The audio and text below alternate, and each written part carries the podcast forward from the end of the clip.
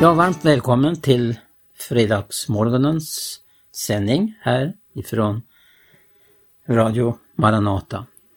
Jag ska eh, fortsätta där vi slutade förra fredagen. Och eh, det som ligger på mitt hjärta det är ju detta om den levande Gudens församling i tiden. Hur eh, en församling uppstod på apostlarnas tid. Och det ska vi göra därför att det klarlägger vad församling är för någonting. I skillnad ifrån kanske en religiös förening eller ja, en verksamhet eller någonting man kallar församling fast det egentligen inte är den levande Gudens församling. Detta med levande Gudens församling, det begreppet ska jag komma tillbaka till nu. Men eh, först så ska Gertrud läsa ur den bok som, läste i, eh, som hon läste förra fredagen. Och den boken, eh, det är ett kapitel som är hämtade från en bok som heter Krön Jesus till konung, som är skrivet av Eppe Meyer, en engelsk förkunnare, mycket känd, skrivit många böcker. Och vi läste från ett kapitel som handlar om eh, att Jeremia får befallning att gå till krukmakaren. Hur han får eh, uppleva att Gud talar igenom eh, det arbete som krukmakaren utför med sin hand. Han jämför det med att eh, Gud har hand om sitt folk. Att Gud formade sitt folk och att eh, det kommer den situationen att Gud måste börja på nytt igen. Och det var det som det här eh, händelsen som Jeremia får lärdom utav i krukmakarverkstaden att när eh, kärlet gick sönder så börjar han om igen. Det här är någonting som upprepas i historien. När eh, Guds folk har förlorat det man har haft från början genom en andlig väckelse så går det så till sist som det har gått med alla andliga rörelser att det urartar i att man går in i ett avfall. Man eh, eh, skiljer sig ifrån det som man mottog från början. Här är det väldigt viktigt för oss att eh, förstå med församlingen att eh, det handlar inte om att hämta några förebilder eller en mönsterbild som inte har sitt ursprung i Guds mönsterbild. Och därför så uppmanar Johannes, aposteln Johannes i sitt första brev att eh, det som handlar och vad vi ska se till det är att eh, följa den här upp då det handlar om att följa det som apostlarna fick uppleva. Han uttrycker det så här, det som var från begynnelsen och det är det som gäller. Det är det som alltid en andlig väckelse handlar om. Man återgår till de heliga skrifterna. Och som man i Gamla Testamentet upplevde att man fann lagboken i templet. Och det blev en uppvaknande, det begynte någonting nytt. Och detta med församlingen, det är någonting som måste börja på nytt igen. Och eh, så har det alltid varit och så är situationen i vårt tid, i vår tid, idag. Gud måste börja om på nytt. Gud måste ta ut ett nytt folk. Gud måste uppresa sin församling och då handlar det inte om att eh, upprepa någonting som har varit utan gå tillbaka till det som apostlarna fick uppleva vad församling är för någonting. Ja, då vi, Gertrud läste här ifrån den här boken och det här kapitlet handlar om att Gud börjar om igen. Så i den här boken så talar så tar eh, F.B. Meyer upp om eh, det som har att göra med oss personligen. Gud verkar också i oss var och en personligen. Vi är också eh, i Guds hand och han vill forma leret. Det här kan överföras och egentligen så handlar det, det budskap som Jeremia fick mottaga, att det, var, det handlade om Guds folk. Att Guds folk är som ett kärl som ska formas, men som då gick sönder och Gud måste börja om på nytt igen. Det är det som är det aktuella budskapet idag och vi förstår att Gud måste ta ut nytt folk. Han måste eh, ta ut levande stenar för sitt andliga tempelbygge. Men nu fortsätter Gertrud att läsa den sista delen utav det här kapitlet. Ja, vi börjar där. Paulus skriver i Filipperbrevet 2, 12 och 13 följande. Därför, mina älskade, så som ni alltid förut har varit lydiga, så må ni också nu med fruktan och bävan arbeta på er frälsning. Och det icke allenast så som ni gjorde då jag var närvarande, utan ännu mycket mer nu då jag är frånvarande. Ty Gud är den som verkar i er, både vilja och gärning, för att hans goda vilja skall ske. Verkandet har sin plats. Många ger det emellertid en oriktig plats. Det verkar så att säga i riktning upp mot Gud istället för i riktning ned från honom. Du ska låta Gud verka först. Sen ska du arbeta ut vad Gud har verkat inom dig. Gud verkar i oss först och främst att vilja. Han, han tar vår hårda vilja liksom ett stycke järn och värmer den i sin kärleks ugn till dess den blivit mjuk. Och så finner vi oss sedan till vår överraskning villiga till sånt som vi förut avskydde. Om det är något i mitt liv som jag vet att jag bör göra men som jag inte vill göra så säger jag Min fader, verka i mig vilja att göra detta. Och jag vet att när Gud verkar i mig vilja, verkar han sedan också i mig gärning. Men just i fråga om detta begår många av oss ett misstag. Du försöker i din egen kraft att göra Guds vilja. Låt istället Gud verka vilja i dig. Men inte nog härmed, du måste sedan låta honom verka även gärning. Sen du av Gud blivit gjord villig har du att i tron gå framåt för att göra vad du vet är Guds vilja.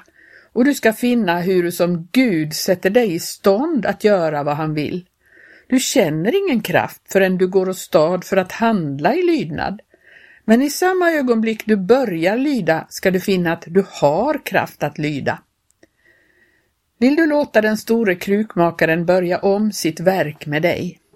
Du känner det förflutna. Du vet hur många gånger Gud har velat likbilda dig med Kristus och du vet också hur ofta du har fördärvat hans verk. Varför?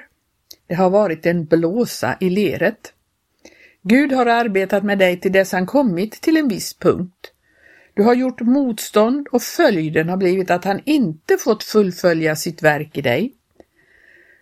Jag kände en man som längtade efter helighet och som av Guds ande manades att sluta sig till en ringaktad skara av troende, om vilka han visste att de hade fattat denna hemlighet.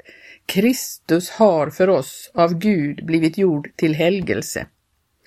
Men han svarade, jag vill visst bli en helgad kristen, men till de där människorna vill jag inte gå. Han blev emellertid i sitt samvete allt djupare övertygad om sitt behov av frälsning från syndens herravälde och Guds ande manade honom allt kraftigare att vända sig till de nämnda trosyskonen. Men han svarade fortfarande nej, jag vill inte. Det var som hade han sagt, om Gud ska ge mig näring så måste han använda en förgylld sked och inte en tändsked. Hans själs ångest blev efter en tid så stor att han knappast kunde leva.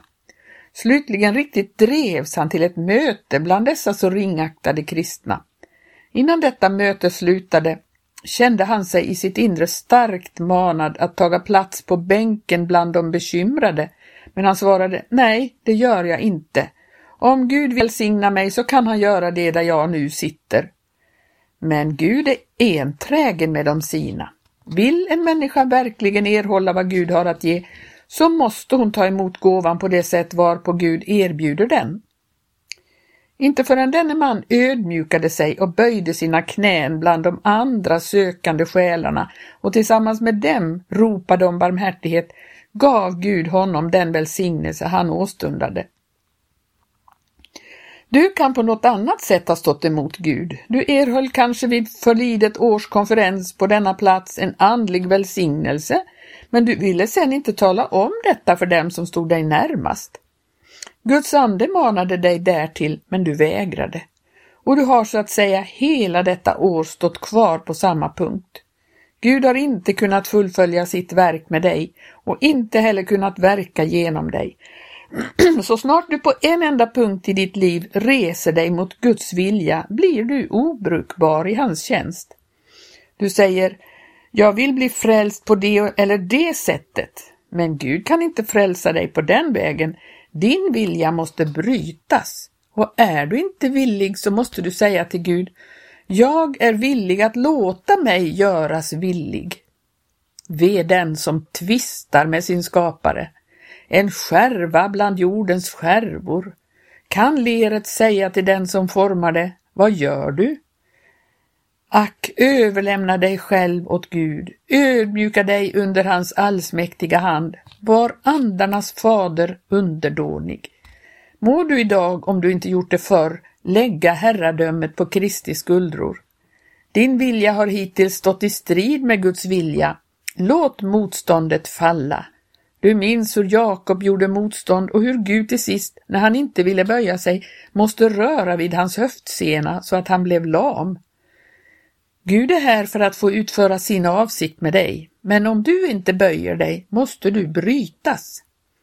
Mitt hjärta blöder vid tanken på att du ska lida mer än som är nödvändigt. Bed Gud att han gör dig villig. Be honom göra om dig, förnya dig. Säg till honom, Fader, från och med denna dag så får du göra din vilja gällande i mig. Välsignade Jesus, du som är läkaren för alla sjuka själar, kom också till mig idag med helbrägdagörelse. Himmelske Fader, låt genom din helige Ande din son taga gestalt i mitt hjärta och förvandla mig för varje dag allt mer till hans likhet. Amen. Ja, det finns två anledningar varför vi har tagit fram det här kapitlet ur den här boken Krön Jesus till konung av R.F.B. Meyer. För det första så handlar det om att eh, det Gud gör i en enskildes liv, det kan också eh, direkt eh, ske också då det gäller församlingens upprättelse. Där Gud måste forma ett kärl som skall vara till hedersamt bruk. Det här med att Gud skall ha någonting för sin räkning här i tiden. Det har funnits med i alla tider i, i det ord som Gud har givit människan.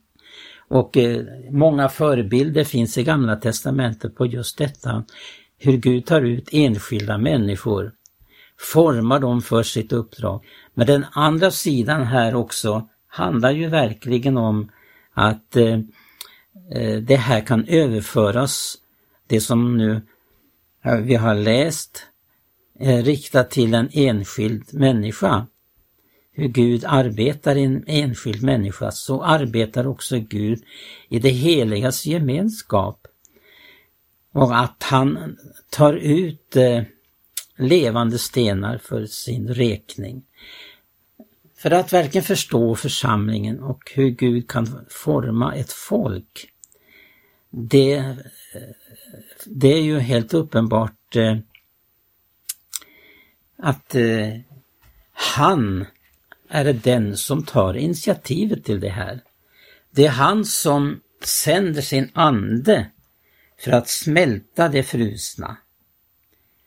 Så att man blir mottaglig för ordet och för det verk som han vill utföra bland sitt folk. Det finns mycket i psalm 147 som talar om det här.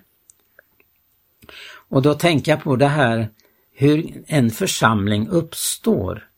Och det som jag nämnde här i början av programmet så är det väldigt viktigt att förstå ah, eh, vad församling är om man också förstår hur en församling uppstår. För det första så står det ju så här till exempel om församlingen som är ett byggnadsverk att eh, om inte Gud bygger huset så bygger man fåfängt på de som bygger där på. Det handlar om att eh, det är Gud som tar ut levande stenar. Det handlar om att det är han som bygger upp Jerusalem som det står i andra versen i psalm 147. Herren bygger upp Jerusalem, han samlar den skingran, det skingrade Israel. Det är det första i skeendet av församlingens upprättelse, att han samlar en skingrad skara som inte upplever någon andlig hemvist någonstans. Men att eh, det är Gud som bygger upp denna andliga hemvist som är församlingen. Han som är så noga i allt, han som det står i fjärde versen, han bestämmer stjärnornas antal, han, gör, han ger dem de, deras namn. Eh, vår Herre är stor, hans kraft är väldig, hans vishet är utan gräns. Herren alltså bygger upp Jerusalem. Han är den som bygger genom det som vill stå till hans förfogande för att bli en levande sten, att vara en levande sten som skall infogas i ett sammanhang. Eh, för församlingen är ju, det är ju är ett eh, gudomligt sammanhang som är sammanfört av Gud själv. Han insätter. Detta var ju Eh, det känner vi till redan från skapelsens begynnelse när han, han satte människan i Edens lustgård. Just det här, han satte människan där. Så blir du och jag insatt i det här tempelbygget som måste byggas upp igen. Vi känner till Israels historia, vi känner till Jerusalem som ibland var uppbyggd men ibland så var det i fiendens händer. På grund av människors olydnad. Men så kommer en tid då Gud kan börja bygga igen. Och då, då är det, handlar det om ett andligt skeende som eh, också Salmisten nämner i den här psalm 147. Han sänder sitt bud till jorden. Snabbt löper hans ord. Han låter snö falla som ull. Rimfrost stör han nu som aska.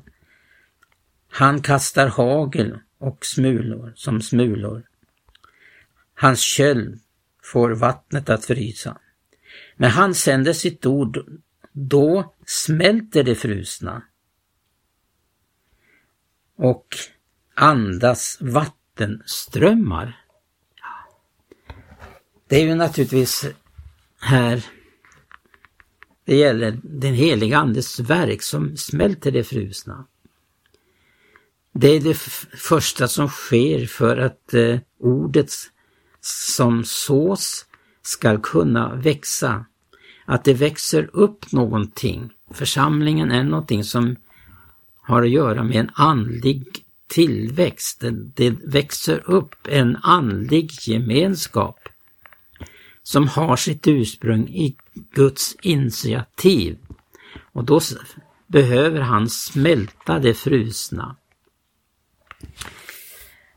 Det, jag läste här idag senast om eh, en kommentar till den trettonde versen här. Nu har jag läst ifrån nyare översättning. Men det står så här i vers 13. Han gör bommarna för sina portar starka och, väls och välsignar ditt folk där inne. Han ger frid och välgång åt sitt land och mättar dig med finaste vete. Det som sker här då vi läser i Gamla Testamentet om hur man byggde upp templet och, och eh, Jerusalem. Alla de här delarna som kommer fram i och med att man intar löfteslandet, det är en, en sida av församling. Då det gäller folket, då det gäller staden, det gäller landet och det gäller templet. Det är fyra olika sidor av vad församling är för någonting. Och då det gäller detta med Jerusalem så gör han portarna fasta. För att inte någonting främmande ska komma in i den staden. Församlingen har ju också den sida att den är en stad. Och eh, när jag läser då en kommentar här av Spurgeon i den här bokverket eh, som heter Davids skattkammare. Och här, eh, den här kommentaren i vers 13 i psalm 147 skriver han så här. Då han har gjort bommarna för sina portar fasta, Jerusalem befästningar vore fulländade ända till och med portarnas eh, reglar och bommar. Det här talas om att församlingen ska vara så befäst att inte av detta som kan angripa eh, det Gud har uppenbarat. Det är väldigt viktigt att inte till exempel man ger plats för för liberalteologi eller ting annat som vill tränga in. Utan Gud befäster och Gud eh, eh gör portarna fasta. Det stängsel är fast genom Herrens hand. Och till och med reglarna och bommarna får Guds omsorg för att församlingen skall vara den skara som Gud har ämnat den till. Församlingen är någonting eh, oerhört stort här i tiden. Det är ju, som jag ofta har påmint om, är Guds eh, ögonsten. Det är hans hjärteangelägenhet. För att det är genom församlingen som Gud utför sitt stora uppdrag. Och att församlingen får uppleva att Kristus får vara huvudet för församlingen. Ty församlingen, till det här hans kropp, står det här i Efesierbrevet 1 och 23. Den är uppfylld av honom som uppfyller allt i alla. Ja, det är vår bön. Gud tar ut ett nytt folk. Han kallar på människor till att bliva en levande sten i Guds andliga tempelbygge. Gud välsignar dig. Ställ dig till förfogande. Låt den uppfyllas av den heliga Ande så Gud får utföra sitt verk genom dig. Gud välsignar dig.